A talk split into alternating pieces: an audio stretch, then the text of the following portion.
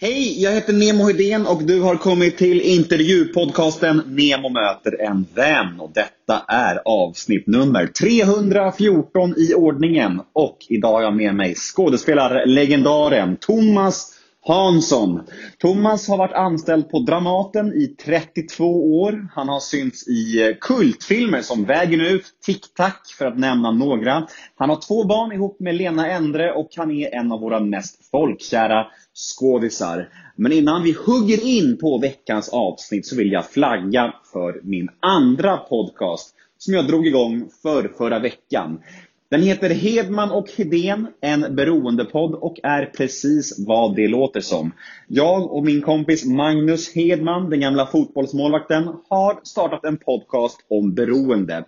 Vi fördjupar oss i allt som har med beroende att göra och vi försöker krossa tabun kring beroende, sprida kunskap om sjukdomen och ja, upplysa folk helt enkelt. Så eh, jag skulle bli superglad om ni ville lyssna på Hedman och Hedén, en beroendepodd. Ge den en chans i alla fall. Jag är helt övertygad om att man kan ta med sig någonting från den podden även om man inte är beroende eller missbrukare på något sätt. Så ja, prova den podden också. Men dagens podd då, Thomas Hansson. Ja, jag måste erkänna för er att jag gick in i den här inspelningen utan några förväntningar egentligen. Jag eh, visste om Thomas, att han var en väldigt begåvad skådis. Jag har följt hans karriär, jag har sett mycket av det han har gjort. Men jag hade inte så mycket förväntningar på själva mötet. Men när jag gick därifrån så var jag uppfylld av fin, positiv energi och eh, många härliga anekdoter hade jag berikats med. Så jag är helt övertygad om att ni kommer kunna skratta mycket och ni kommer ta med er mycket från den här podden. För det här var ett jävla härligt snack. Jag heter Nemo Hedén på Instagram. Följ mig gärna där, då blir jag superglad. Vill ni mig något, mejla till gmail.com. Jag tycker mycket om när ni mejlar mig. Och den här podden den klipps precis som vanligt av LL Experience AB som bland annat gör Göteborgspodden. Men nu är det slutsnackat från min sida. Nu drar vi igång det här fina snacket. Vi kör Nemo möter en vän avsnitt nummer 314 med Thomas Hansson. Rulla gingen! Nemo är en kändis, den största som vi har. Nu ska han snacka med en kändis och göra någon glad. Ja! Nemo, ja det är Nemo. Nemo möter en vän. Ta en snus. Ja, jag har redan två inne men Ja, så det är lugnt. ja det, är, ju- det är ju, vi kan prata om det först. hur, hur mycket snusar Thomas Hansson egentligen? Ja, för mycket. Jag har liksom, jag har här ständigt eh, tanke på att jag tycker att det här är det sämsta man kan hålla på med. Mm. Och jag lurar mig själv, jag köper lite, så här, lite svagare snus tänker jag för att jag ska börja trappa ner men då stoppar jag i två istället. Eh, men nej, jag vet, det är lite olika. Det beror på om man dricker vin och sånt så går det ju mycket mer Mm. eh, än annars. Och när jag jobbar mycket, då stoppar jag i hela tiden och Mm. slänger ut. Och... Så ganska mycket. Mm. Men ehm, jag rökte ju förut, eh, 20 år. Och på slutet så rökte jag väl kanske ett paket cigaretter om dagen och snusade. Och fy fan. Och till slut så kände jag att jag orkar inte ens gå upp ett trappsteg upp till min dörr utan att bli helt flåsig. Så då tänkte jag nu måste jag sluta. Så då slutade jag direkt med det men jag fortsatte ju med det här. Men det här är mitt nästa projekt. Mm. Cut it. Alltså det är svårt att bryta med de här lasterna alltså. Ja fast det här känns, jag tror att jag kommer att fixa det om jag verkligen bestämmer. För det här är ju, jag får ju ingenting av det här. Jag Nej. blir bara normal. Jag blir inte itchy och inte liksom Som en riktig missbrukare pratar du nu. Jag Ja, får verkligen. bara, jag blir bara normal av min drog. Jo, Vad är det men- här? Ja men allt annat, öl, vin och sånt, då Ja. får man, känner man ju någonting. blir det ju lite härligt. Det här är ju bara helt värdelöst. Hur blir du utan snus då? Alltså, de säger, de, de andra, De i min närhet. de, de säger att jag blir lite uh, Stings- stingslig. stingsligare. Ja, mm. Så. Mm. så det är väl Mysigt att träffa dig. detsamma. Mm. Har du gjort någon podd? Nej. Nej. Då kör vi podd Oskulden idag. Ja. Ja, vad härligt. Vad tänker du om, om intervjuer och poddar och, och sånt? Jag gör ingen skillnad på podd eller samtal med någon eller intervjuer. Jag, jag, det är ett möte. Mm. Jag har ingen, alltså inget, inte något speciellt med att det är just en podd. Nej. Men tycker du om eh, att göra intervjuer eller hur, vad har du för relation till just det? Eh, intervjuer gör jag, nej det här är ett litet undantag egentligen på ett sätt för att jag gör egentligen bara intervjuer när det är kopplat till något arbete. För att jag är inte så road av min egen liksom, privatperson på det sättet sådär. Det är inte, jag är inte, så, jag är inte så intresserad av att hålla på med det faktiskt. Jag är mest, tycker att det kopplas till arbetet bara. Mm.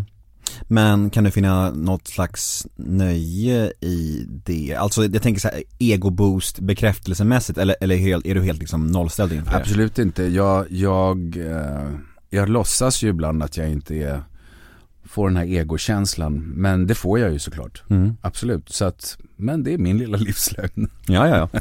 Jag tycker det är supermysigt att träffa dig och jag tror att det här kan bli svin härligt. Jag har en bra känsla, jag brukar, jag brukar Ja, känna sånt ganska tidigt och jag Ja, det är bra. Ja. Ehm, den här podden kommer ju släppas ganska tätt in på inspelningsdagen. Idag är det fredag och vi släpper det här på måndag. Och jag tänker att eh, en kollega till dig gick ju bort tidigare i veckan. Ja, Mm. det gjorde han. Det gjorde han och eh, Sven Volter har även varit eh, gäst i den här podden. Så jag skulle faktiskt vilja rikta några ord till han så här inledningsvis. Eh, eftersom att både du och jag har haft med honom att göra Mm. genom åren. Och vad, vad minns du av honom? Vad, vad är dina tydligaste minnen av Sven Volter? Ja, mina tydligaste minnen är ju när jag jobbat med honom om man säger så. Och att man ska, fick en, en nära relation med honom. Som både yrkesmässigt men även privat. För att han var en sån inbjudande person som man väldigt lätt tyckte om. Ganska snabbt. Och eftersom vi jobbade så intensivt eh, då när vi lärde känna varandra eh, under åtta månader på Gotland. Eh, och så att, och den liksom kontakten vi fick där, den fortsatte ju sen. Även fast vi inte, vi hade jobbat tidigare på, på med teater och sådär också. Men, men eh, det där åtta månader vid Fårösund från oktober till och med slutet på april. När ingenting mer än ICA-hallen, Bungehallen vid Fårösund var öppet och de stängde åtta. Då hade man liksom bara varandra på kvällarna efter långa inspelningsdagar och, och, och snacka och prata om det man ska göra. Så att då fick man en djupare kontakt. Mm. Det är så himla fint eh, hur du säger här om inbjudande. För just det ordet är det som dyker upp i mitt huvud också när jag tänker på honom. För att jag, eh, jag poddade med honom för drygt, det här kanske är tre år sedan Ja. och, eh, och, och då ringde jag honom och, och frågade om han ville göra en, en, en podd och han var ju bara så här, ja men Ja men kom, kom till mig, jag, jag, jag hänger mycket i Bohuslän på västkusten och, Mm. och kom hem till mig så, så, så, så kör vi här. Mm. Så åkte jag till, till Bohuslän och så hämtade han mig på stationen med sin bil och så åkte vi hem till honom och han var väldigt så här bara på ett ögonblick så kändes det som att man eh, inte var någon slags journalist eller vad man nu är. Nej. Man var liksom hans vän och man fick komma in i hans hem och han var väldigt så här, men eh, vi är samma, vi, vi har ett samtal här, vi, vi är vänner liksom. Och det var så, på, på en sekund bara. Det var så jävla fint alltså. Ja, men jag, tror- alltså, jag upplevde honom som att han var alltså, så här, intresserad av människor. Mm. Helt enkelt. Så det fanns inget sådär konstlat i mötena utan han var genuint intresserad. Mm. Så att, och då, då är det inte så svårt att lära känna någon. Dessutom om någon verkar intresserad av en. Nej exakt. det, är, det är lätt att fejka ett, ett, ett, eh, så här, motsatt eh, intresse om man själv får det till sig liksom. Ja men det går ju inte att fejka. Liksom. Nej, det är klart att det går. Du, ehm, eh, vila i frid får vi säga. Verkligen. Fina Sven. Eh, Han är saknad verkligen. mm.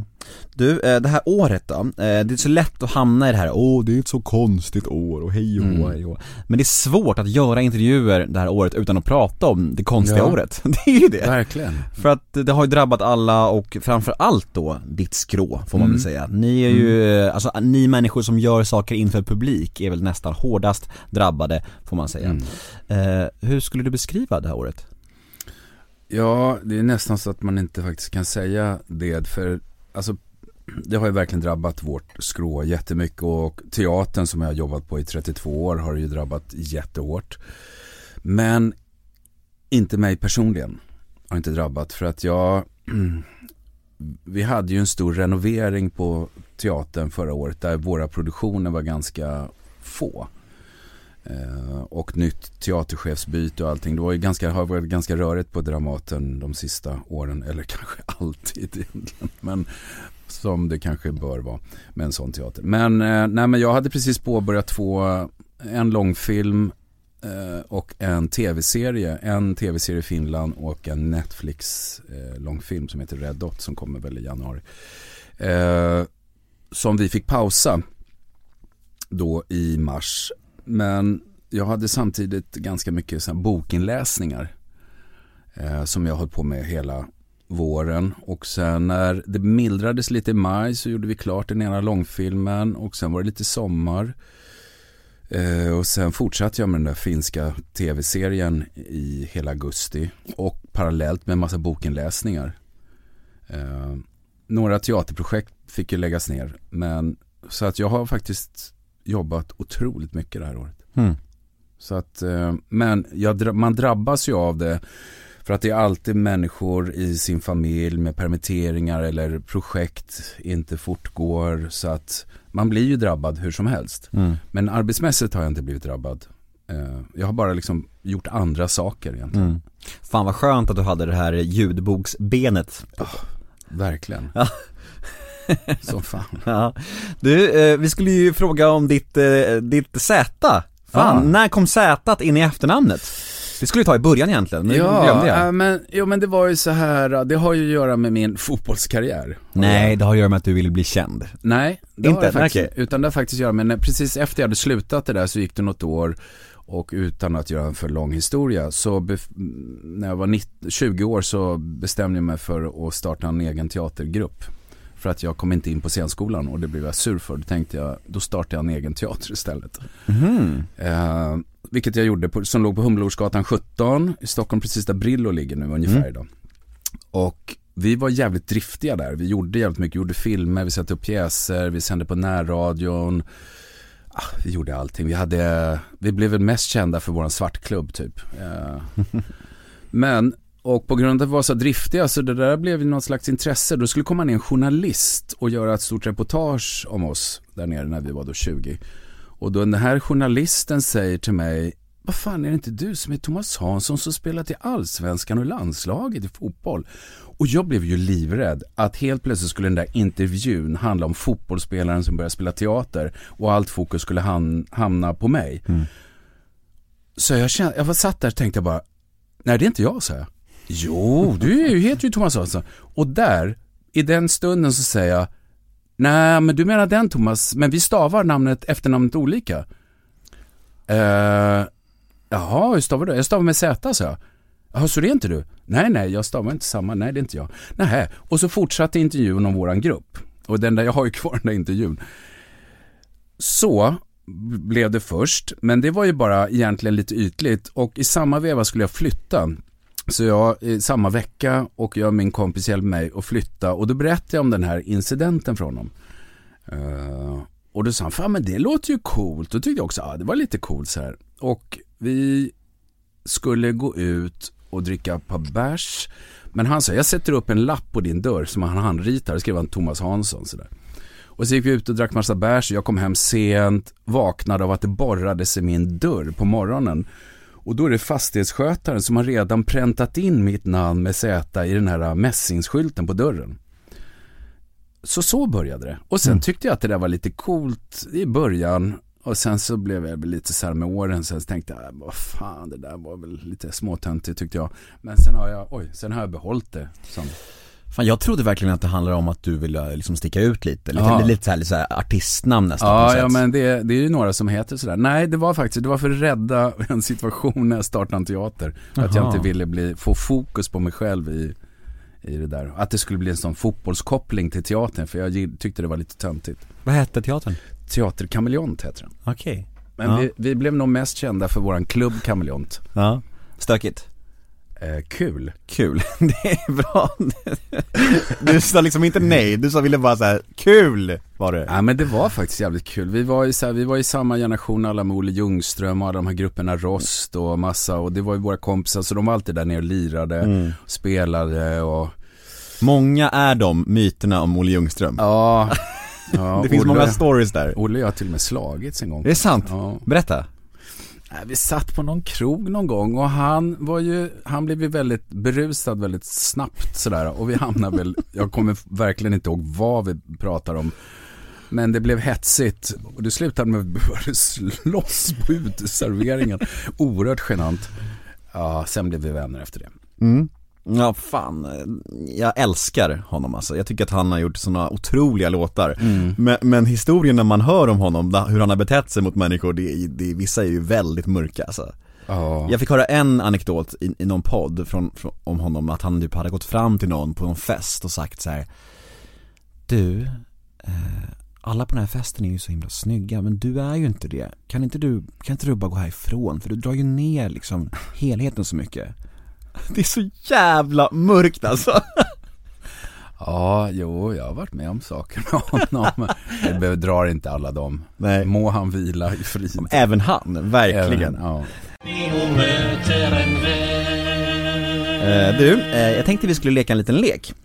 Eh, som heter associationsleken. Mm. ja, ja, kör på. Är du med? Jag är med. Associationsleken börjar med, du var ju inne på det nyss, men jag tänker att vi kan utveckla kring det, fotbollskarriären.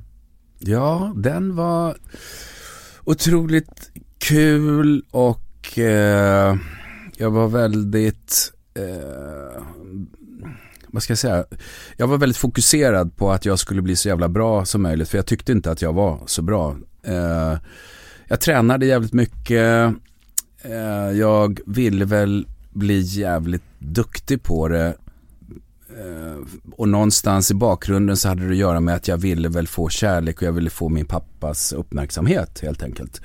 Eh, för han var en företagsledare som var ganska eh, frånvarande. Så att jag tänkte väl att om jag blir jävligt bra på det här då kommer han och kollar. Mm. Eh, det dröjde väldigt länge innan han kom. Inte förrän jag debuterade i Allsvenskan när jag var 17 år. Men, så att jag var ju tvungen att bli väldigt bra på det där. Så att jag, eh, jag tittade på alla mina medspelare, på alla runt om i hela världen, vad folk var bra på. Så försökte jag träna på det.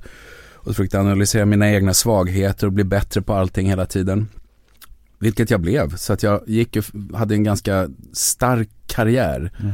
Eh, och som sagt, jag var väl yngst i allsvenskan när jag debuterade där 1979 eller vad det var. Men din drivkraft var alltså din pappas Kärlek var det. kärlek. Var det. det var inte alls kärleken till sporten alltså? Nej, det var för att jag skulle få kärlek och jag tror att det är så i livet generellt för alla människor att viljan till kärlek kan driva en, mm, liksom vad som helst, ta en var som helst. Hur bra blev du?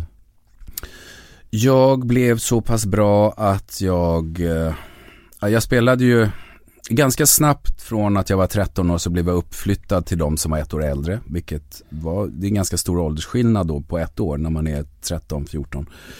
Sen hamnade jag ganska snabbt i stadslaget, sen hamnade jag i juniorlandslaget, eh, åkte runt i hela Europa och spelade mot alla de här Frankrike, Italien och vann priser. Ehm, och sen blev jag, jag blev, så hamnade jag, debuterade mot Bayern på Råsunda eh, när jag var 17. Och sen, Vilken position var det? eh, jag var både yt, alltså då när jag blev uppflyttad i A-laget så var jag ytterback och spelade även lite mittfält. Men annars när jag, i min ungdomskarriär var jag väl något som hette Libro som inte finns längre. Mm, just det. Här, speluppläggare eller någonting sånt. Mm. Och sen så ungefär ett år efter jag hade debuterat där, jag hade skrivit på något kontrakt med Djurgården på två år, men efter ett år så kände jag, nej nu vill jag sluta det här. Mm. Nu har jag gjort det här. Eh, och då gick jag från en träning, vi skulle spela mot IFK Göteborg, Hey, I'm Ryan Reynolds. At Mint Mobile, we like to do the opposite of what Big Wireless. They charge you a lot, we charge you a little. So naturally, when they announced they'd be raising their prices due to inflation, we decided to deflate our prices due to not hating you. That's right. We're cutting the price of Mint Unlimited from $30 a month to just $15 a month. Give it a try at mintmobile.com slash switch. $45 upfront for three months plus taxes and fees. Promo rate for new customers for limited time. Unlimited more than 40 gigabytes per month. Slows. Full terms at mintmobile.com. eh, nästa dag, jag var tränare och sen var det på den träningen, jag kände, nej jag är färdig med det här så jag gick. Och sen ringde de och sa, vad fan är du någonstans nästa dag? Eh, jag sa, jag har slutat. Så det blev ju ganska mycket rabalder, det blev mycket, så det var en massa mittuppslag och landslagsstjärna slutar och mycket sånt där. Ja, då slutade jag. Mm. Men varför tror du att det hände just då? Hade du liksom fått din pappas kärlek då? Eller varför tog Nej. du stopp då? Nej, för att det var väl det att jag förstod väl då att jag spelade fotboll. Det var då jag, när jag förstod att det var därför jag spelade fotboll, då tappade jag mitt hjärta för det. Mm. Och då kände jag, egentligen är jag inte så jävla fotbollsintresserad kanske. Eh, och då kände jag, sam, samtidigt så fanns det med att jag var väldigt duktig. Jag fick förfrågningar från Feyenoord eh, och spela och förstod att jag skulle få jättemycket pengar. Men å andra sidan så tyckte jag att det var ganska ensamt att spela.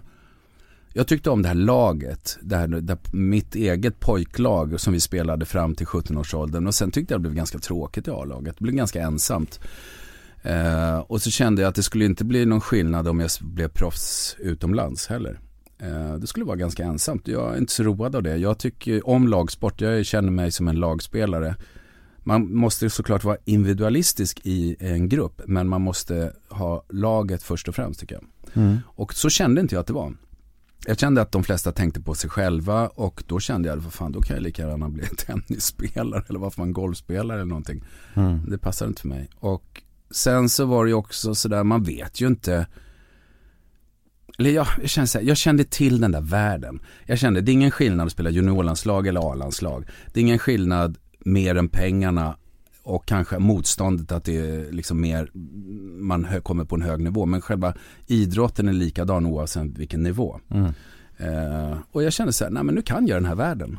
Nu måste jag göra något annat. Vem är den bästa du har spelat med och mot?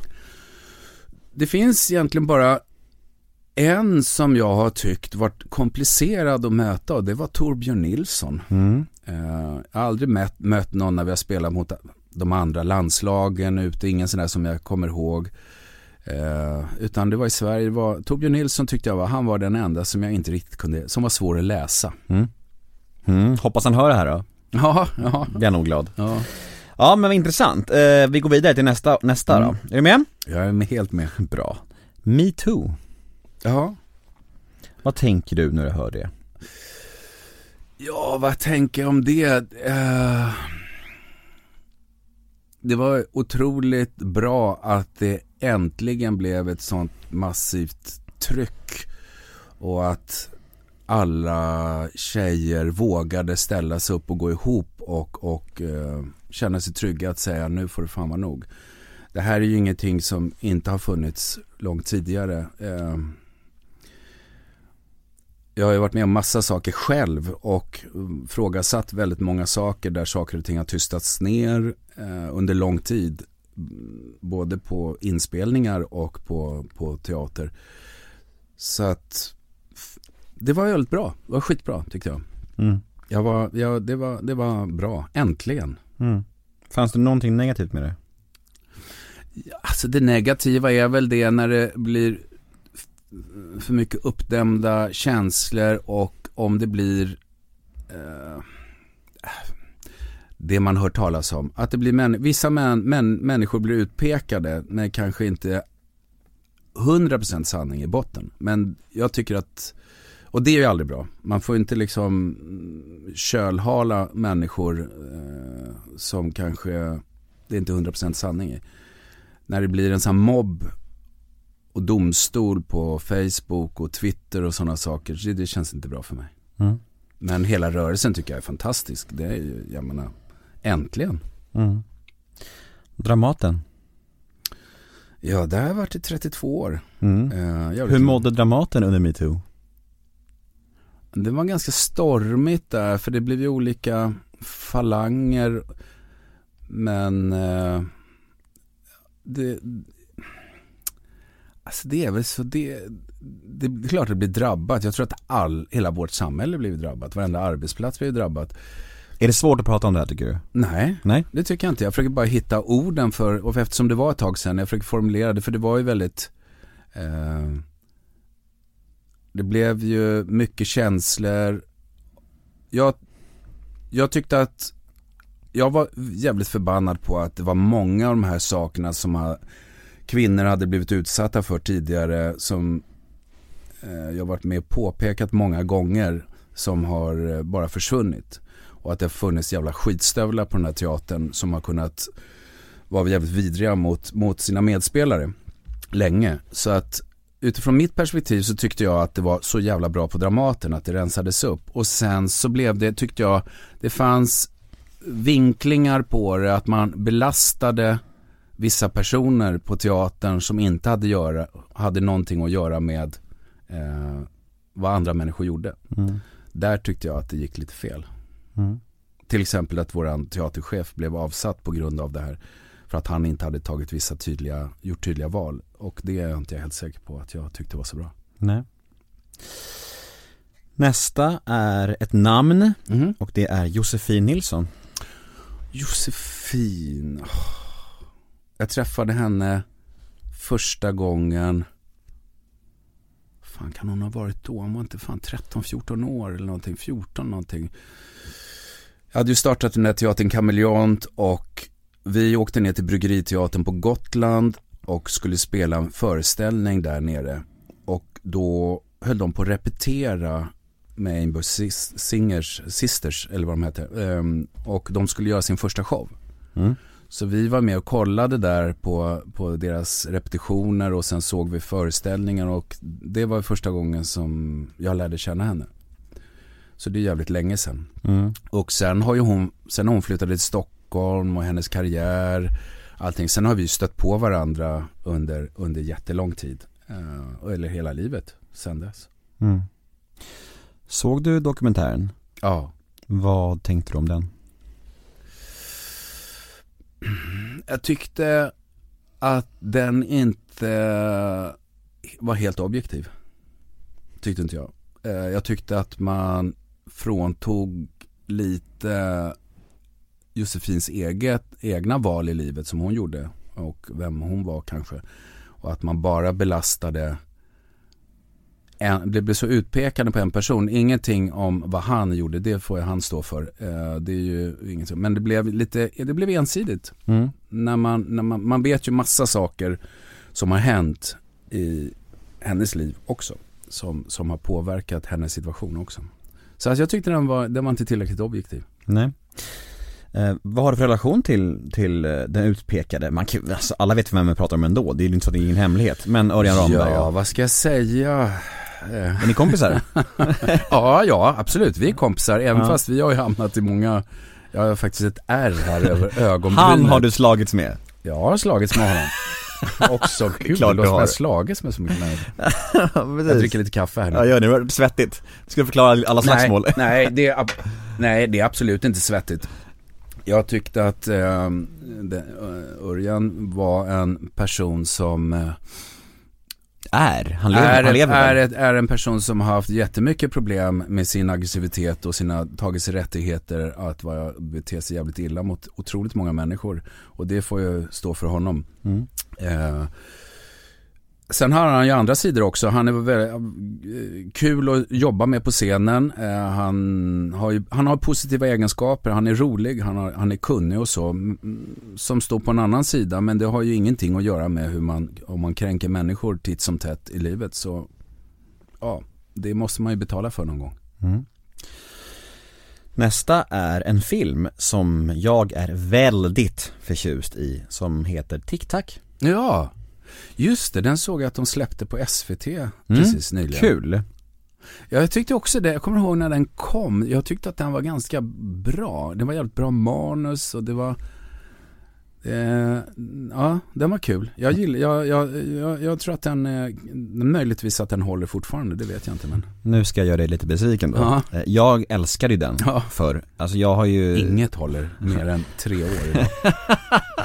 Nej men så är det inte. Nej men faktum är att jag har hållit den som eh, en av de bästa svenska filmerna. Mm. eh, För jag älskar den och har sett om den mycket. Men jag såg om den nu ganska nyligen och då kände jag att den hade liksom sjunkit lite. Fortfarande, fortfarande bra. Men Ja. det var någonting som hade hänt som inte riktigt funkade med tiden. Eh, Men absolut, jag rekommenderar den för alla för den är ju väldigt eh, speciell, banbrytande och det, det greppet Mm. var väldigt fräscht och nytt då. Ja. Hur minns du eh, den inspelningen? Jag minns den att det var väldigt kul för att jag tyckte att manuset var så jävla spännande och intressant och som du sa, det kändes nytt. Manu, alltså filmen är som manuset. Eh, så det, och man kände att det här, det här känns speciellt och sen är det det ändå intressanta livsöden och beskrivningar. Men sen så kommer jag ju ihåg jag, gjorde mig, jag skadade mig nämligen under den, mitt i den här inspelningen. Jag tror vi hade en eller två filmdagar kvar. Och det finns en scen med, med och Nadja Vaj som jag lever tillsammans med. Där hon är jättearg på mig och, och i den scenen var det tänkt så att jag skulle springa runt i lägenheten och hon skulle springa kring och jaga mig. Men jag hade spelat en fotbollsmatch med Dramaten typ dagen innan, eller två dagar innan vi skulle eh, filma det där. Och sliter av hälsenan. Och det gör så jävla ont och jag någon slags blockering och jag ska repetera dagen innan den här scenen och kommer dit. Och ganska snart så säger Daniel till mig att Thomas fan du ser så jävla blek ut och lite kallsvettig, hur mår du? Nej det är ingen fara, för jag vill ju inte liksom säga att jag hade klantat mig och skadat mig innan filminspelningen. Och då sa jag så här, "Nej, men jag har lite ont i hälsenan sådär. Hörru du, det där, ska du inte åka till sjukhuset? Ja, jag gör det, sa jag. Och det var ju bara gips på en gång. Och sen var det lite panik, hur ska vi göra den här scenen? Så då, jag sitter ju i den där scenen hela tiden nu så att, och de får klippa mig vid, vid magen, liksom bildkant. Så vi fick göra om hela den där scenen att jag blev sittande, men det ser man ju inte, man vi har ingen aning om det. Eh, Det kommer jag ihåg väldigt starkt. Och visst fan vann väl filmen också Guldbagge va? Jag tror den vann för manus. Jag tror att Emil, han är ju också borta. Nej, Emil, vad fan? Jo, heter han Emil? Han som spelar när, en av nazisterna där. Han tog ju livet av sig också. Fan vad människor dör hela tiden. Och han som är eh, Oliver Loftén heter han va? Han Ja. som är Åke Bert och som är med i. Aha. Han, han går inte heller något bra för. Nej, det är en annan historia. När vi, han var med nämligen i en film som jag spelade in som heter Vägen ut. Åh, så jävla bra. Och det är en annan historia den kring Oliver där som var också helt katastrof. Du måste berätta för jag älskar den filmen och jag är så nyfiken på Oliver. Ja, men då hoppar vi, då går vi där från TikTok till det vägen ut. Mm. Alltså, vi filmade ju, vi handl, den handlade ju om alla som satt inne på typ Österåker Mm. och eh, kom dit en, en kille som ska göra teater med de här. Och jag spelar ju en karaktär som absolut inte vill hålla på, att de ska hålla på med det för det störde mina narkotikaaffärer där inne på fängelset. Men under den här tiden så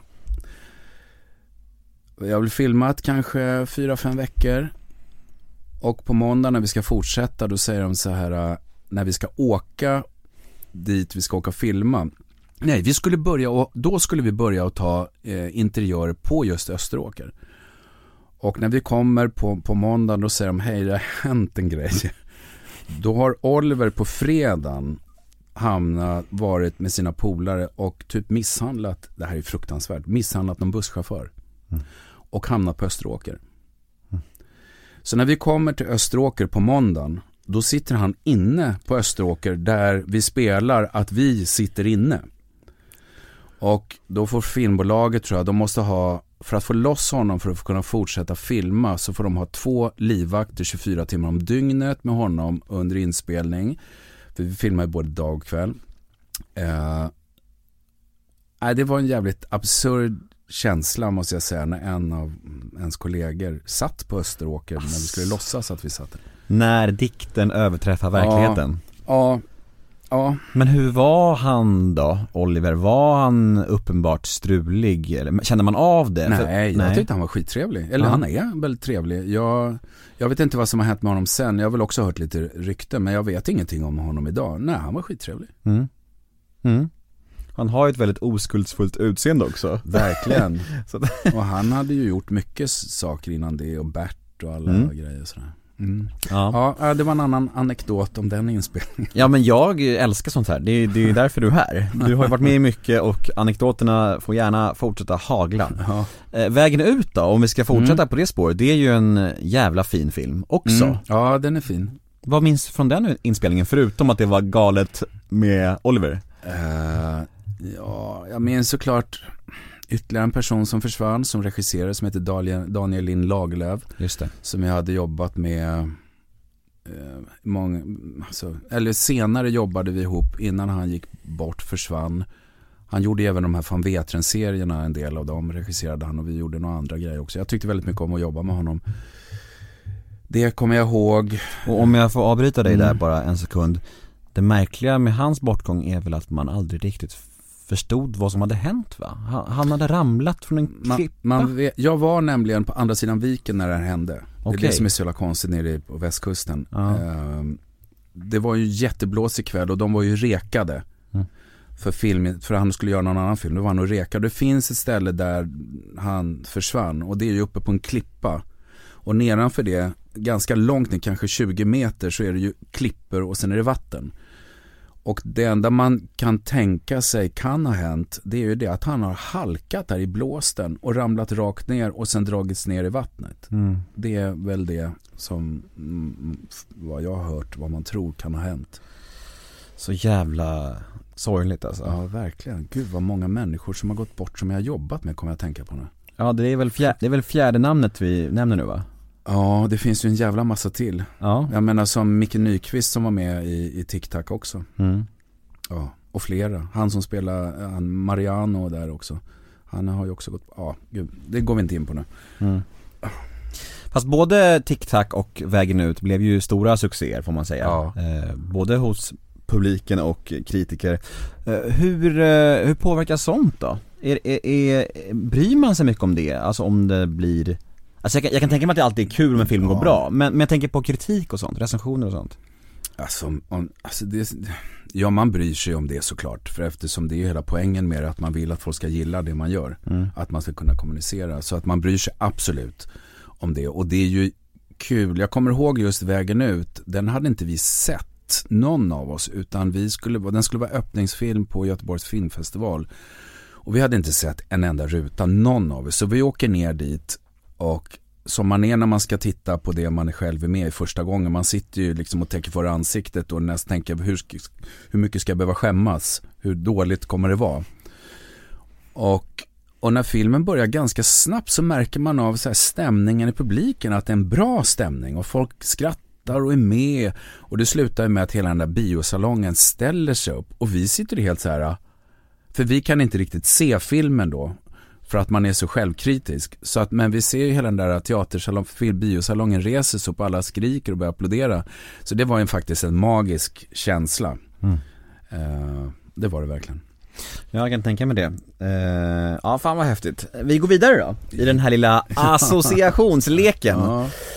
Nästa är ett namn, eh, en person som jag vet att du har jobbat mycket med, eh, Mikael Persbrandt. Mm. ja, honom har jag jobbat med. Länge. Mm. För jag vet ju, varför jag frågar det är ju, ja, besides att han är den han är, så är jag nyfiken på, för du jobbade ju med honom eh, under dödsdansen va? Ja, vi håller på med den fortfarande. Just det. Vi skulle ha varit på turné nu med den i, i, nu här i höstas men på grund av läget så går inte det. Men nu håller vi på att planera in nästa höst. Just det. Eh, Men jag tänker på, eh, jag blir såklart nyfiken på hur det var att arbeta med honom under hans struliga år. Mm. Hur, och hur det påverkar dig som kollega och skådis. Är det så att man säger till eller är det så att man försöker bara liksom att anpassa sig eller hur, hur funkar det? Nej men alltså Micke är inte strulig att jobba med. Nej? Jag har aldrig upplevt, jag tycker han är en av de absolut bästa att jobba med. Mm. Han är helt prestigelös, han är fantasifull, han, eh, han är nyfiken, eh, han är respektfull. Eh, vi har haft jätteroligt Mm. från första eh, gång vi har jobbat ihop och det har bara fortsatt. Och Hey, I'm Ryan Reynolds. At Mint Mobile, we like to do the opposite of what Big Wireless does. They charge you a lot, we charge you a little. So naturally, when they announced they'd be raising their prices due to inflation, we decided to deflate our prices due to not hating you. That's right. We're cutting the price of Mint Unlimited from $30 a month to just $15 a month. Give it a try at mintmobile.com slash switch. $45 upfront for three months plus taxes and fees. Promo for new customers for limited time. Unlimited more than 40 gigabytes per month. Slows. Full terms at mintmobile.com. det är alltid kul att jobba med honom. Sen hans privatliv, det är ju hans privatliv så att säga. Där han har strulat och hur han har varit mot andra människor. Jag har aldrig, jag har, han har inte varit så mot mig när vi har jobbat. utan tvärtom, vi har haft jävligt kul ihop. Mm. Så att jag tycker att det, han är en av de roligaste att jobba med. Vad kul att höra det ändå, Mm. för det, det, det gör mig glad. För jag tänkte att det kan vara, att det fanns massa minnen om hur han kommer in på inspelningar och är helt jävla rörig liksom. Jag vet, ja men det har, det har man ju hört och Ja. alla har berättat sina versioner och det är ju asjobbigt för de människorna och de känner sig att de har blivit kränkta av honom, absolut. Det fattar jag också. Jag har ju aldrig upplevt det. Nej, skönt. Mm. Då var ju det nästan en onödig punkt. Nej, varför inte? Det var väl lika viktigt det. Och, eh, Som en, en positiv Ja men verkligen, att, att få nämna det är ju minst lika viktigt faktiskt. Eh, nästa punkt, eh, stjärnorna på slottet. Mm. Har du fått den frågan någon gång? Nej, det tror jag faktiskt inte att jag har fått och jag tror... Vill, vill du ha Nej. frågan? Jag vill inte vara med i Stjärnorna på slottet och Let's Dance och alla de andra lekprogrammen heller. Nej. Varför? Jag tycker att, alltså i alla fall de här Let's Dance och de, jag vet inte, jag, jag tycker att det blir, det blir någon slags kändisskap som inte jag gillar. Jag tycker inte om, alltså det är så, det är så konstigt att, att jobba med det här yrket om man säger att man inte gillar kändisskap. Jag tycker om kändisskap utifrån mitt yrkes vägnar, men inte mitt privatliv. Eh, det, är inte, det är inte jag road av. Nej. Jag har ingen, jag har ingen lust att liksom bjuda hem folk och göra hemma hos-reportage och sådana grejer. Jag är inte intresserad av det. Men jag kan prata hur mycket som helst om mitt arbete. Men jag försöker hålla mitt privatliv så mycket jag kan. Mm. Men stjärnorna på slottet är väl någon slags gränsland då ändå? Ja, det är det väl i och för sig. Det, absolut, den, där pratar man ju väldigt mycket om, om sitt arbete och så. Men det är, jag vet inte. Jag, jag ska inte säga att jag kanske kommer att säga ja om jag får någon förfrågan. Det har jag ingen aning om. Nej. Eh, Vi får se. Vi får se. Ja, ja det, det vet jag inte. Jag har inte... Just som det har känts så har jag känt att nej tack. Okej. Nästa punkt är alkohol. Mm, det är härligt. Ja, Ja, kanske det. Om man kan kontrollera det. Det kunde inte jag. nej. Men, eh, men eh, hur ser din relation till alkohol ut? Jag tycker väldigt mycket om vin. Mm. Eh, jag, eh, jag köper ganska mycket vin. Jag, jag letar fortfarande, eh, jag, jag är lite så här nördig. Jag, jag köper olika från olika vingårdar och beställer hem och, och roas av jättebra viner. Eh, jag, jag köper hellre dyra viner hem än att, alltså dricka vin på krogen kan jag bli, alltid bli så jävla irriterad över. För att man får, vi, jag vet, man får på en krogen kanske man får en flaska vin, låt säga att den kostar 500 spänn och så vet jag att den här kostar 100 spänn. Och vin som kostar runt 100 kronor, det kan vara helt okej men det är inte fantastiskt. Och då köper jag hellre ett vin för 350 spänn på systemet eller beställer någon annanstans från Europa och då får jag ett jävligt bra vin. Så att jag är väldigt så här, jag njuter av smakerna. Mm. Så det förhållandet har jag, så jag, jag älskar att dricka vin. Mm. Öl är jag inte så road av. Och hur eh, ofta blir du full? Alltså riktigt packad? Nej, det är jävligt sällan nu för tiden. Jag tycker inte om att bli full. Eh, det har jag blivit många gånger i mitt liv men, men jag har, det är så här kluvet förhållande till alkohol idag tycker jag. För att jag älskar att dricka vin men jag vill inte när jag vaknar på morgonen känna att jag har druckit vin. Mm. Så då hamnar man i ett läge där jag vet att dricker jag tre glas vin då känner jag av det på morgonen och då kan inte jag gå och träna. Mm. Så att då får jag hela, man får göra val hela tiden. Och så här, vad är vi mest värt? Ibland kan jag liksom dricka jättemycket och, och känna, ah, nu vet jag, nu fan kommer det vara jobbigt imorgon. Men då har jag gjort ett val för att det är astrevligt. Men det är inte så ofta det man känner att det är så. Men jag, jag, jag vet inte om det har med åldern också att göra att man värdesätter att vakna pigg på morgnarna. Hur mycket tränar du?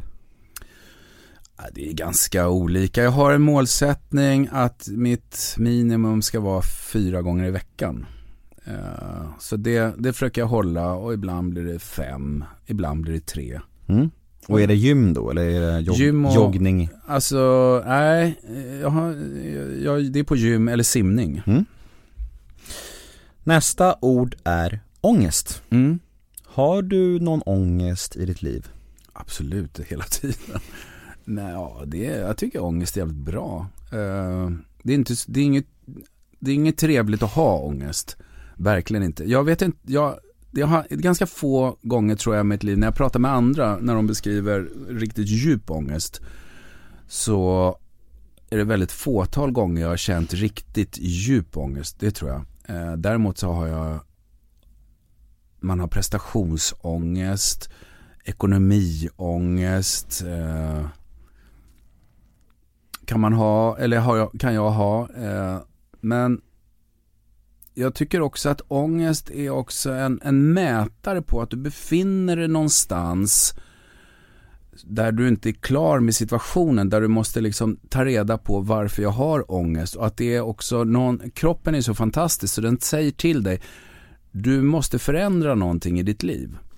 Um, så att jag, jag försöker göra mig vän med ångesten. Den, den kommer ju bara när du befinner dig någonstans där du inte ska vara. Mm. Och det är inte så jävla alltid lätt att vara smart och tänka. Det gör sällan precis när man har ångest. Så, men jag försöker bearbeta det när jag får det och tänka på det sättet att vad är det som gör att jag får ångest och hur ska jag kunna ta mig ur det? Vad är det som är den felande länken som gör och är det prestationsångest så är det ju bara nästan att jobba lite hårdare. Är det existentiell ångest riktig då är det ju kanske just svårt i det läget att vara självanalyserande. Det tror jag kanske inte går. Men eh, jag tror att ju mer man funderar på det, på var det kommer ifrån eh, så är det nog lättare att ta sig ur det. Mm. Mm. Men vad vet jag? Mm. En hel del. Ja, ingen aning. Ja. Mm. Nästa eh, är ett namn. Mm. Lena Endre. Mm. Ja, henne har jag ju två barn med. Och eh, ja, vi levde ihop i många, många år. Fick två fantastiska barn. Vi är jättegoda vänner. Eh, vi umgås väldigt ofta. Vi, har jobb, vi jobbar väldigt mycket ihop. Vi har jobbat mycket teaterföreställningar de senaste tio åren. Och vi jobbar fortfarande i samma, som Dödsdansen och vi har hållit på, vi har åkt på turnéer jättemycket. Vi har filmat ihop och vi ses ofta. Eh, vi, har, vi träffar med alla respektive och alla barnen. Vi ses ganska ofta. Kan inte du berätta om hur och när ni blev kära? Vad skrattar du för? Jo, för att det väcker roliga minnen. Vi träffade, första gången jag såg henne så sökte jag scenskolan. Eh, och då var hon tillsammans med en kille på teatern som var min pedagog. Och jag tyckte att hon var fantastiskt vacker och blev helt jättefascinerad av henne. Och sen eh, lite senare så, jag kom inte in där på scenskolan i alla fall. Hur var det? Va? Att inte komma in?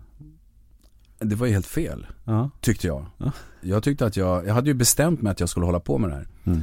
Eh, men det var också så här, vad fan? Men jag, jag sprack i sista provet så att jag var helt så här chockad. Vadå? Jag tänkte så här, man söker, och så tänkte jag så här, man söker en gång. Och så kommer man in. Och så gjorde jag inte det. Och då tänkte, då blev jag så jävla förbannad så då tänkte jag, nej men skit i det, jag ska göra det här. Då startade jag en egen teater istället. Mm. Och sen höll jag på med den teatern i, vad fan höll jag på med den i? Två, tre år. Och sen fick inte vi vara kvar där på Humlersgatan för de skulle bygga Sturegallerian och riva en delar av det här huset. Men då hade jag, fick jag jobb på Stockholms stadsteater och precis när jag hade börjat där då skulle Lena som gick på scenskolan gå, ha sin avskedsföreställning eller ha sin slut, eh, sl, sitt slutuppförande eh, vad det heter. Och då gick jag upp och tittade där eh, på den föreställningen och sen hamnade vi på krogen med hela hennes klass och sen droppade en av efter en annan och sen var det bara vi kvar. Så det var där vi träffades. Mm. Och då var hon ihop med han fortfarande? Nej, nej, nej, nej, nej, Det, var, det var långt tidigare. Okay. Uh, mm. Nej, nej, hon var inte tillsammans med någon då. Uh, men hon gick, precis, hon gick, jag hade börjat på Stadsteatern och hon gick sista månaderna på scenskolan. Mm. Och varför sprack det sen då? Jo, varför det sprack? ja, det där gjorde jag en analys. Först tyckte jag att hon var dum i huvudet. Eh, ända tills jag insåg att jag var en stor del i det där. och sen började jag förstå, ja, Alltså det är ju slitet när man får barn och man ska göra karriärer och vi, mycket, vi jobbade ju jättemycket. Vi hade ju våra barn på teatern när de var små. De fick ju bo i våra loger vi spelade ju samma föreställningar. Fick springa in och ut ur logerna. Så vi hamnade tack och lov i många pjäser. När hon var på scenen så var jag i logen och sen sprang hon in. Du ska in på scenen nu. Och så sprang jag ut. Då var hon med barnen och, och sådana saker. Så det är klart att det är ett slitigt, slitigt liv. Men sen varför, vad det är som gör att den där kärleken tar slut. Det är nog att man inte riktigt upprätthåller eh, vardagen. Det blir så jävla mycket praktiskt. Hur allting ska fixas. Och så att den där kärleken sen liksom sinas ut. Plus att det är mycket lättare att separera tror jag när man är yngre. Eh, än när man har kommit upp en bit på åren. Eller liksom, som i min ålder nu så är det ju mycket, jag tror det är svårare att komma dit.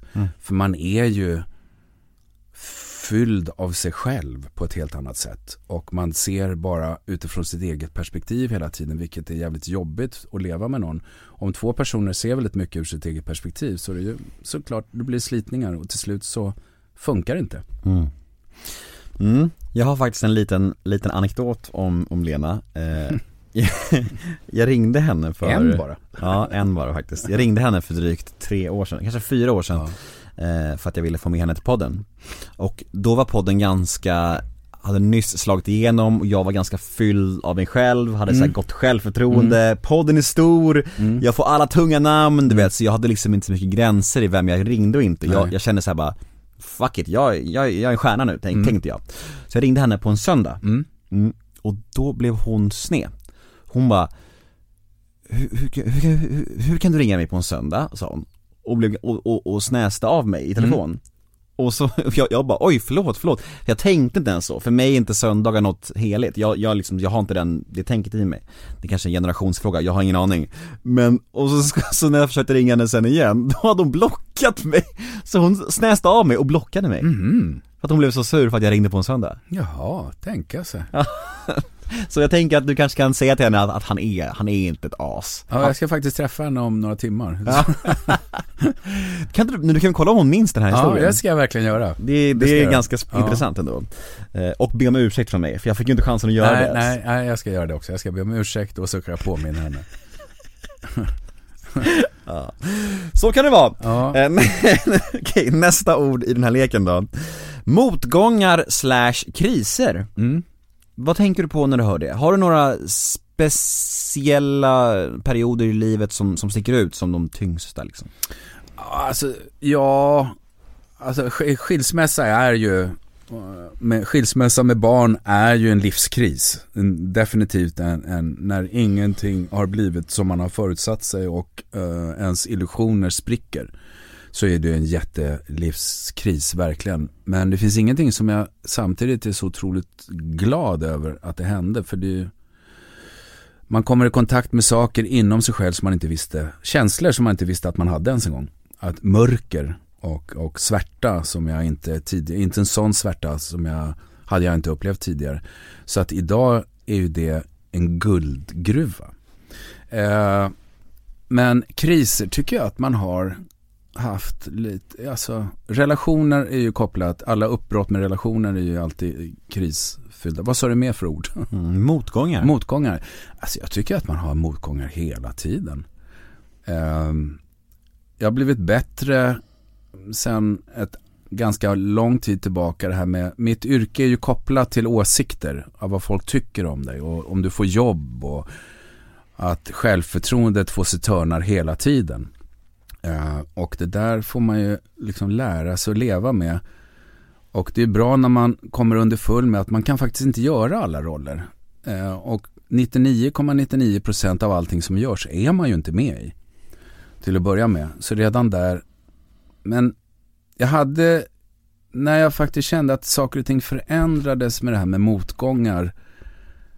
Är ju för ganska länge sedan när jag satt, vi hade gjort någon föreställning som hette Figaros bröllop och jag var ju så här eager för att höra hur bra jag var i tidningarna. Och så slår jag upp Aftonbladet tror jag vad det var och så står det när Thomas Hansson kommer in på scen så förstår jag ingenting. och jag blev väldigt kallsvettig, det här var ju precis i början på 90 jag hade inte jobbat på Dramaten så många år. Och jag tänkte så här, nej men det här, nu är det slut. Och så tack och lov så slog jag upp Expressen och då stod det, när Thomas Hansson kommer in på scen, då lyfter föreställningen. Och då blev jag ju helt perplex, men jag tänkte så här, vad fan är sant av det här?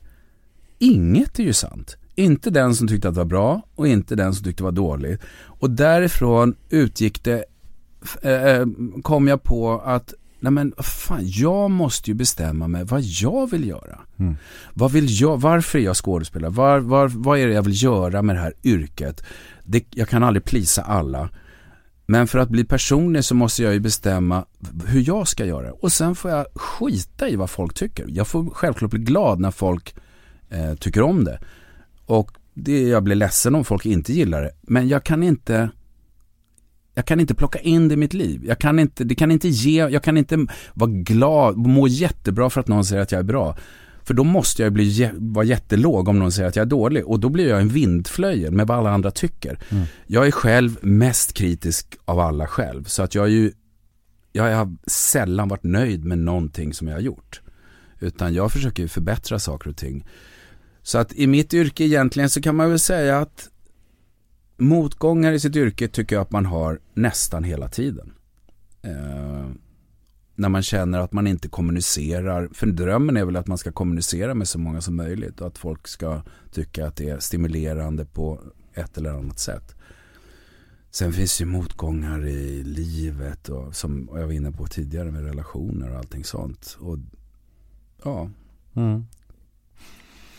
Edvin Endre. Mm. Mm. Det är din son. Det är min son. Jag träffade mm. honom i morse faktiskt. Mm.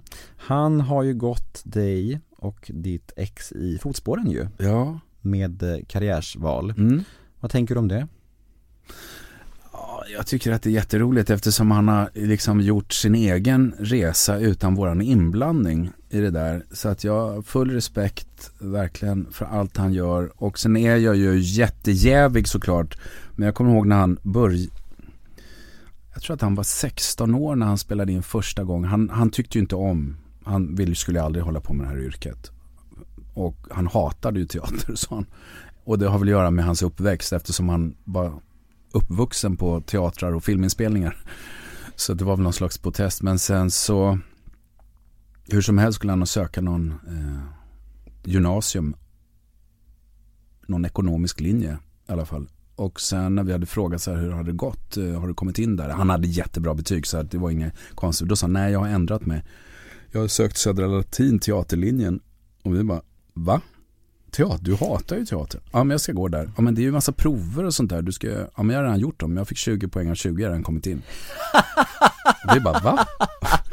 Men okej. Okay. Uh, Kaxig? Där, ja, och sen så sa han, jag ska spela in en film. Och det var någon sån här klassfesten. Student, studentfesten. Studentfesten. Den är, den, är, den är underbar. Men vadå, ska du spela in en film? Hur fan, vadå har du lyckats fixa? Nej men det var någon audition och jag fick den där. Och sen kom han in där och sen gjorde han någon annan sån här Camilla Läckberg-film också. Och då var jag helt så här, shit jag kan ju inte säga det här men jag tycker han är helt fantastiskt bra. Mm. Uh, för då fattar jag, det är ju pappa som säger det liksom. Men sen så så fick jag han efter två år där i gymnasiet, då fick jag det här The Vikings. Och flyttade utomlands och var utomlands i flera år. Eh, och hamnade i sin internationella spin-off. Också på grund av att det är svårt att börja som ung om man har två föräldrar som jobbar i det här landet. Och så han gjorde ett val att han började jobba utomlands och har gjort jättemycket saker som verk, folk verkar inte känna till i det här landet riktigt. Men han har gjort fantastiska grejer jättemycket serier och Vikings och långfilmer utomlands. Eh, och sen när han tack och lov kom han tillbaka till Sverige så att det är vi glada för att man får hänga med honom nu igen. det, blev många, det blev lite resor utomlands under den tiden. Eh, men ja, han är väldigt hängiven och eftersom jag är en annan generation än vad han är, han tillhör ju den generation där alla gör self-tapes.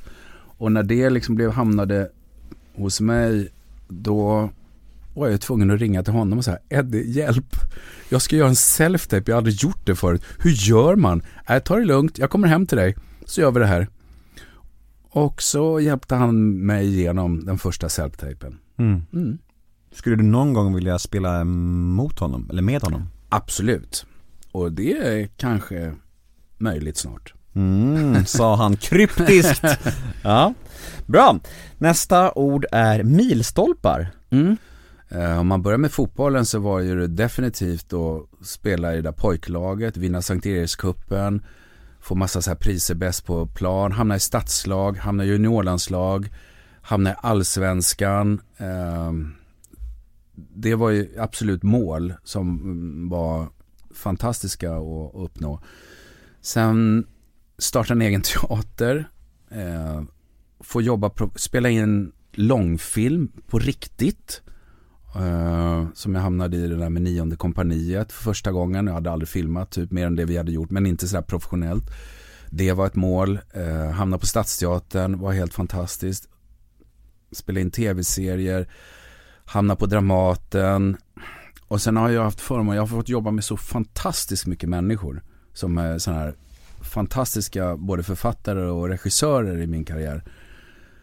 Allting från Arthur Miller som, sk som eh, skrev Handelsresandes död, Lars Norén, Ingmar Bergman.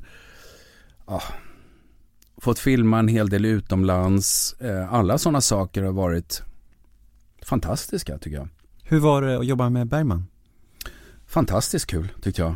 Uh, han, han var ju så extremt förberedd alltid när han började arbeta vilket var jätteläskigt. Vi var ju skiträdda för honom.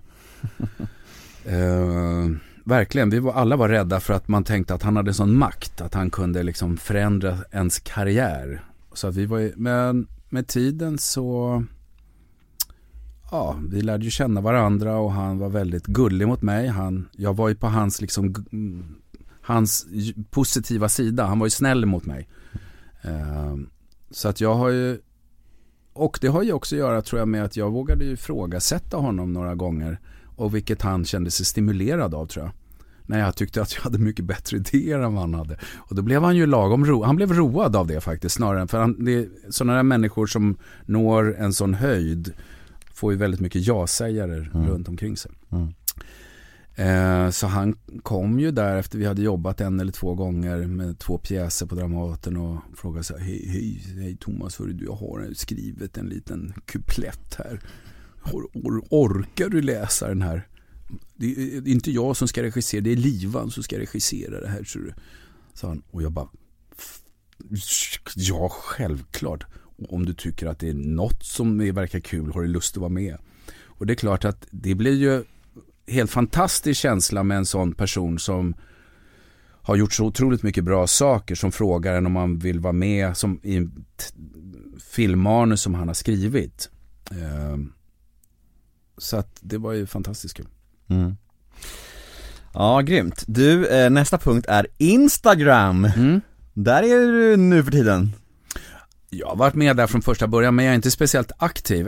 Nu har jag försökt att liksom vara, jag har ett officiellt konto nu har jag äntligen startat. Alla det var det jag menade. Ja, alla har tjatat nu, tjatat och, och eh, så det har jag ju öppnat, ja det är väl i, i början här, jag har väl inte så jävla många eh, jag får hjälp av det också, att de pushar, nu får du skärpa det, nu måste du liksom, du måste ut i den här världen. Mm. Och jag förstod ju att jag är, ligger jävligt långt efter vad det gäller den Instagram-världen som hela, allting surrar ju kring det. Jag, jag spelade in, vi spelade in den här tv-serien Hamilton förra året. Och då kom det en amerikansk skådespelare.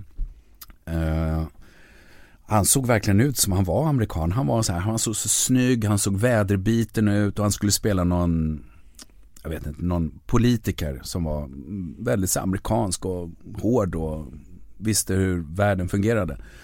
Som var en jättetrevlig man och vi började prata, han frågade just om Instagram och jag bara, ja jag vet inte, jag har inte så mycket. Han tittade på mig som om jag vore dum i huvudet, vad menar du? Har du inte liksom han sa, jag har 400 000, 400-500 000 följare. Och han sa bara, du får inga jobb om du inte har Instagram. Han sa så här, du kan ju stå mellan två personer och då tittar de ju på vem som har mest följare på Instagram. Då kan du få roll. Jag bara tänkte, gud vad fruktansvärt att det är så.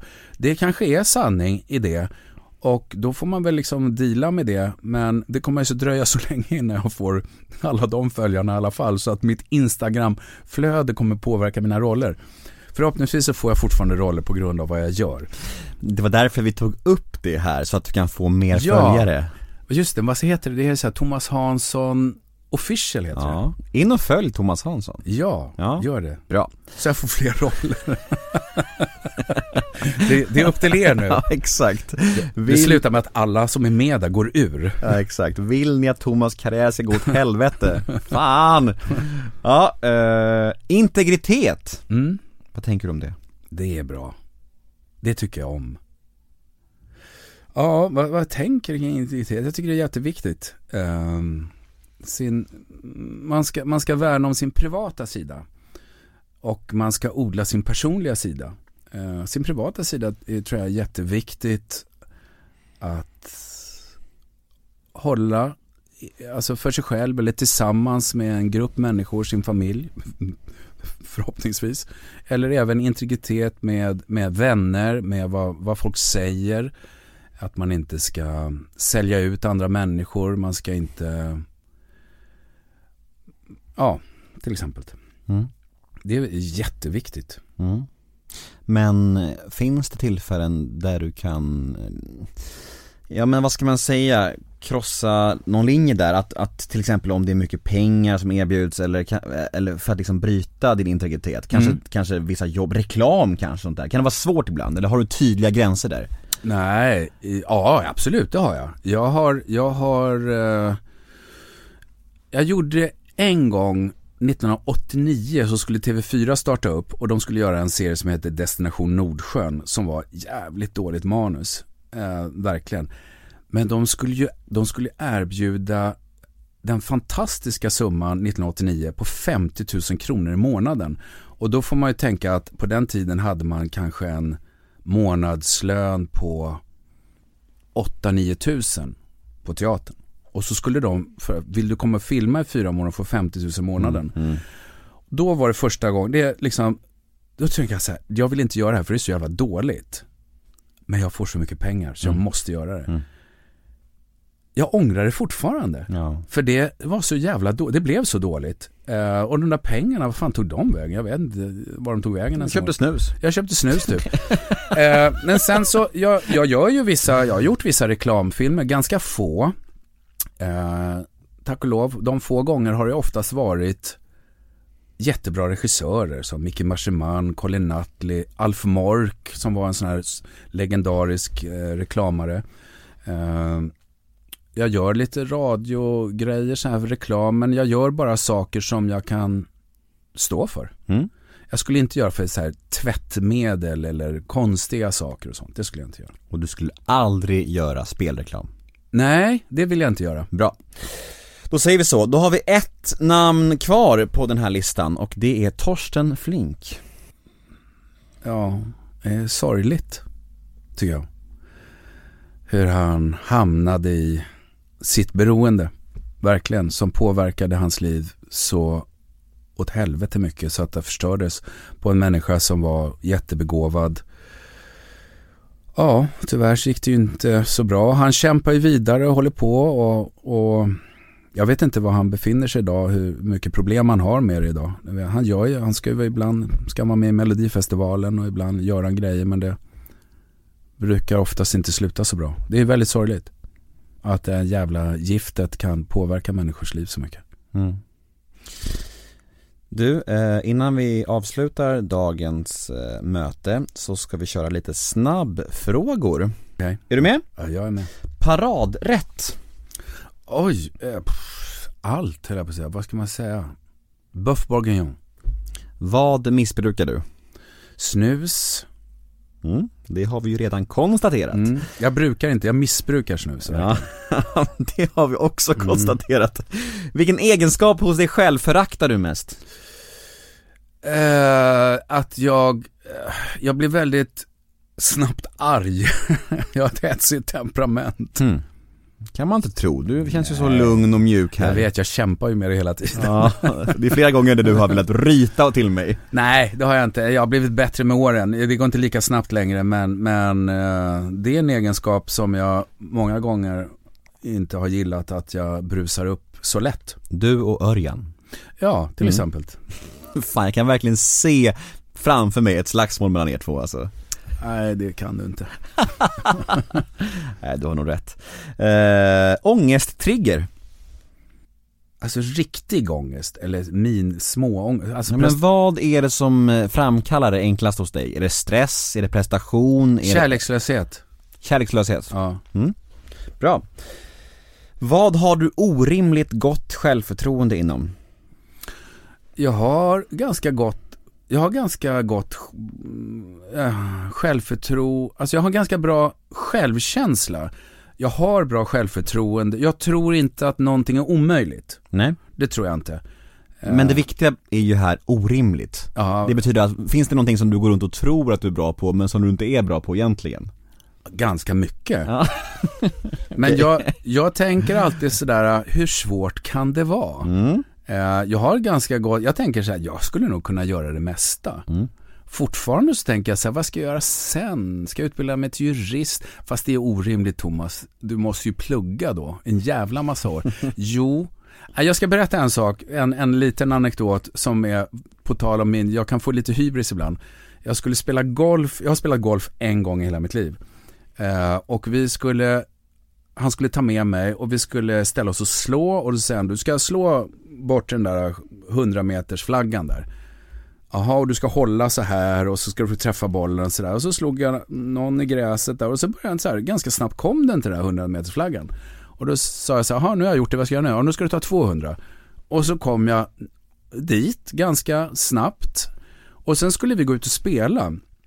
Och då hade jag ju såklart 38 i handikapp, vilket jag fick lära mig att man skulle ha. Och så skulle vi spela den här matchen. Eh, och jag vann ju jättemånga av de där hålen. Eh, men så slutar det med att han vinner matchen med två slag. Nu har jag ju jättemycket handikapp. Och då fick jag så här, nej men vad fan, hur svårt kan det vara? Om jag förlorar med två slag och aldrig spelat golf, om jag tränar lite, då är det så här, om jag skulle nu verkligen ge mig fan på att klara det här, om jag skulle träna varje dag, då är ju inte British Open långt borta om ett år. Sen kunde jag ju förstå att jag skulle inte vilja träna, men jag känner så här, ja men det är ju helt möjligt. Om jag skulle ge mig fan, om jag skulle lägga allt åt sidan och bara se till att jag skulle bli bra, det tror jag ju fortfarande det mesta. Eh, faktiskt. Men eh, ja, så att jag, jag, jag kan gå iväg sådär och tänka mig att det är realistiskt. det vet kan- jag att det inte är, men, men någonstans så tror jag att allting är möjligt. Ganska uppfriskande inställning får man säga. Ja. Mm. När grät du senast? Oj, ganska ofta.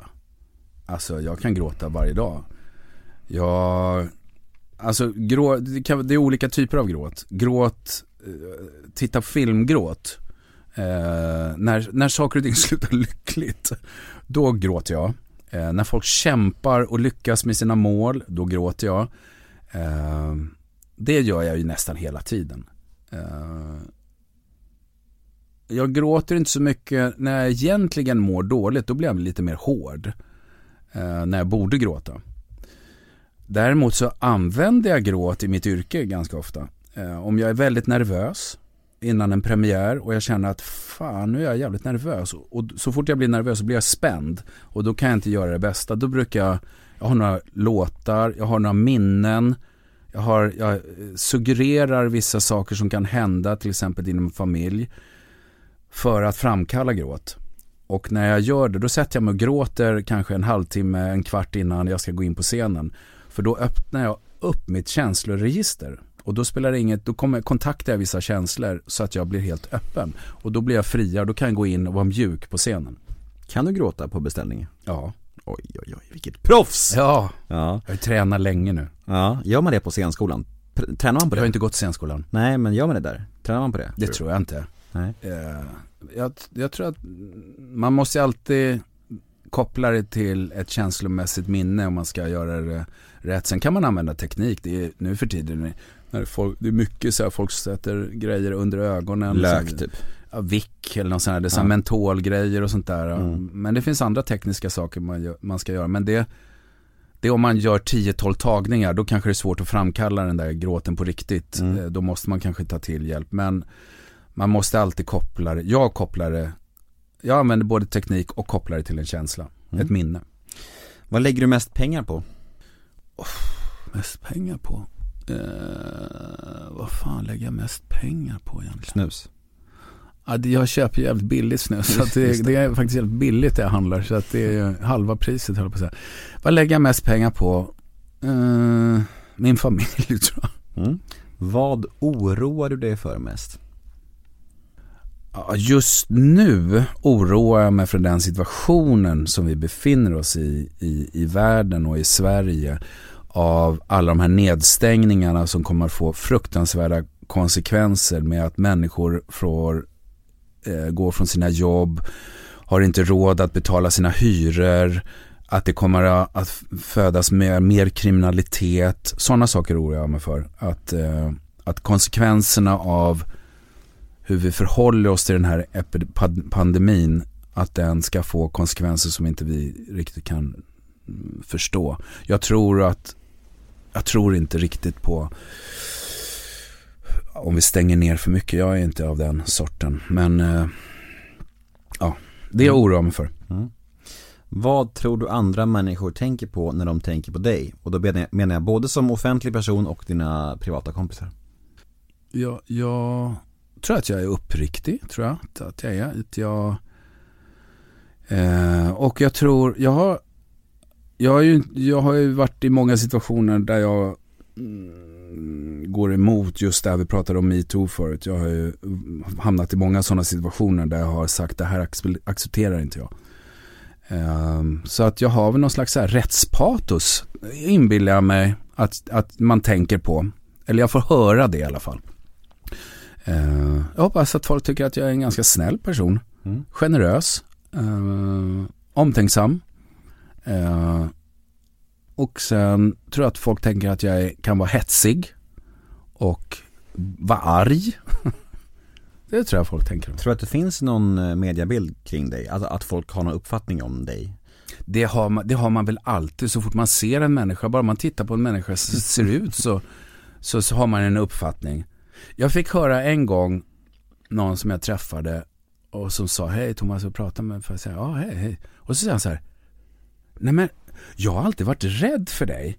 Har du varit rädd för Ja men du ser alltid ut som du är så jävla arg och, och sådär. Och det har väl att göra med hur man ser ut och framtoningen så här. Jaha, har du? den bilden har jag, den ser inte jag liksom riktigt eh, sådär. Men jag kan tänka mig, också lite beroende på när folk tittar på filmer och sådär. Jag har gjort många sådana här som har varit ganska hemska personer och slagit ihjäl lite folk på film och sånt där. Så att jag, så, sådana saker färgar en. Men jag tror inte de som känner mig privat tänker så. Då är vi framme vid poddens sista fråga. Mm. Vad kommer du aldrig förstå dig på att andra människor tycker om? Trump. Bra, there you go. Vi är klara. Tack. Hur känns det här? Känns jättebra. Ja, Hur känns det själv? jag tycker att det känns bra. Ja men det är bra. Mm, jag hade en bra känsla innan och den bra känslan består efter. Ja det är bra, vilken, vilken tur. Verkligen.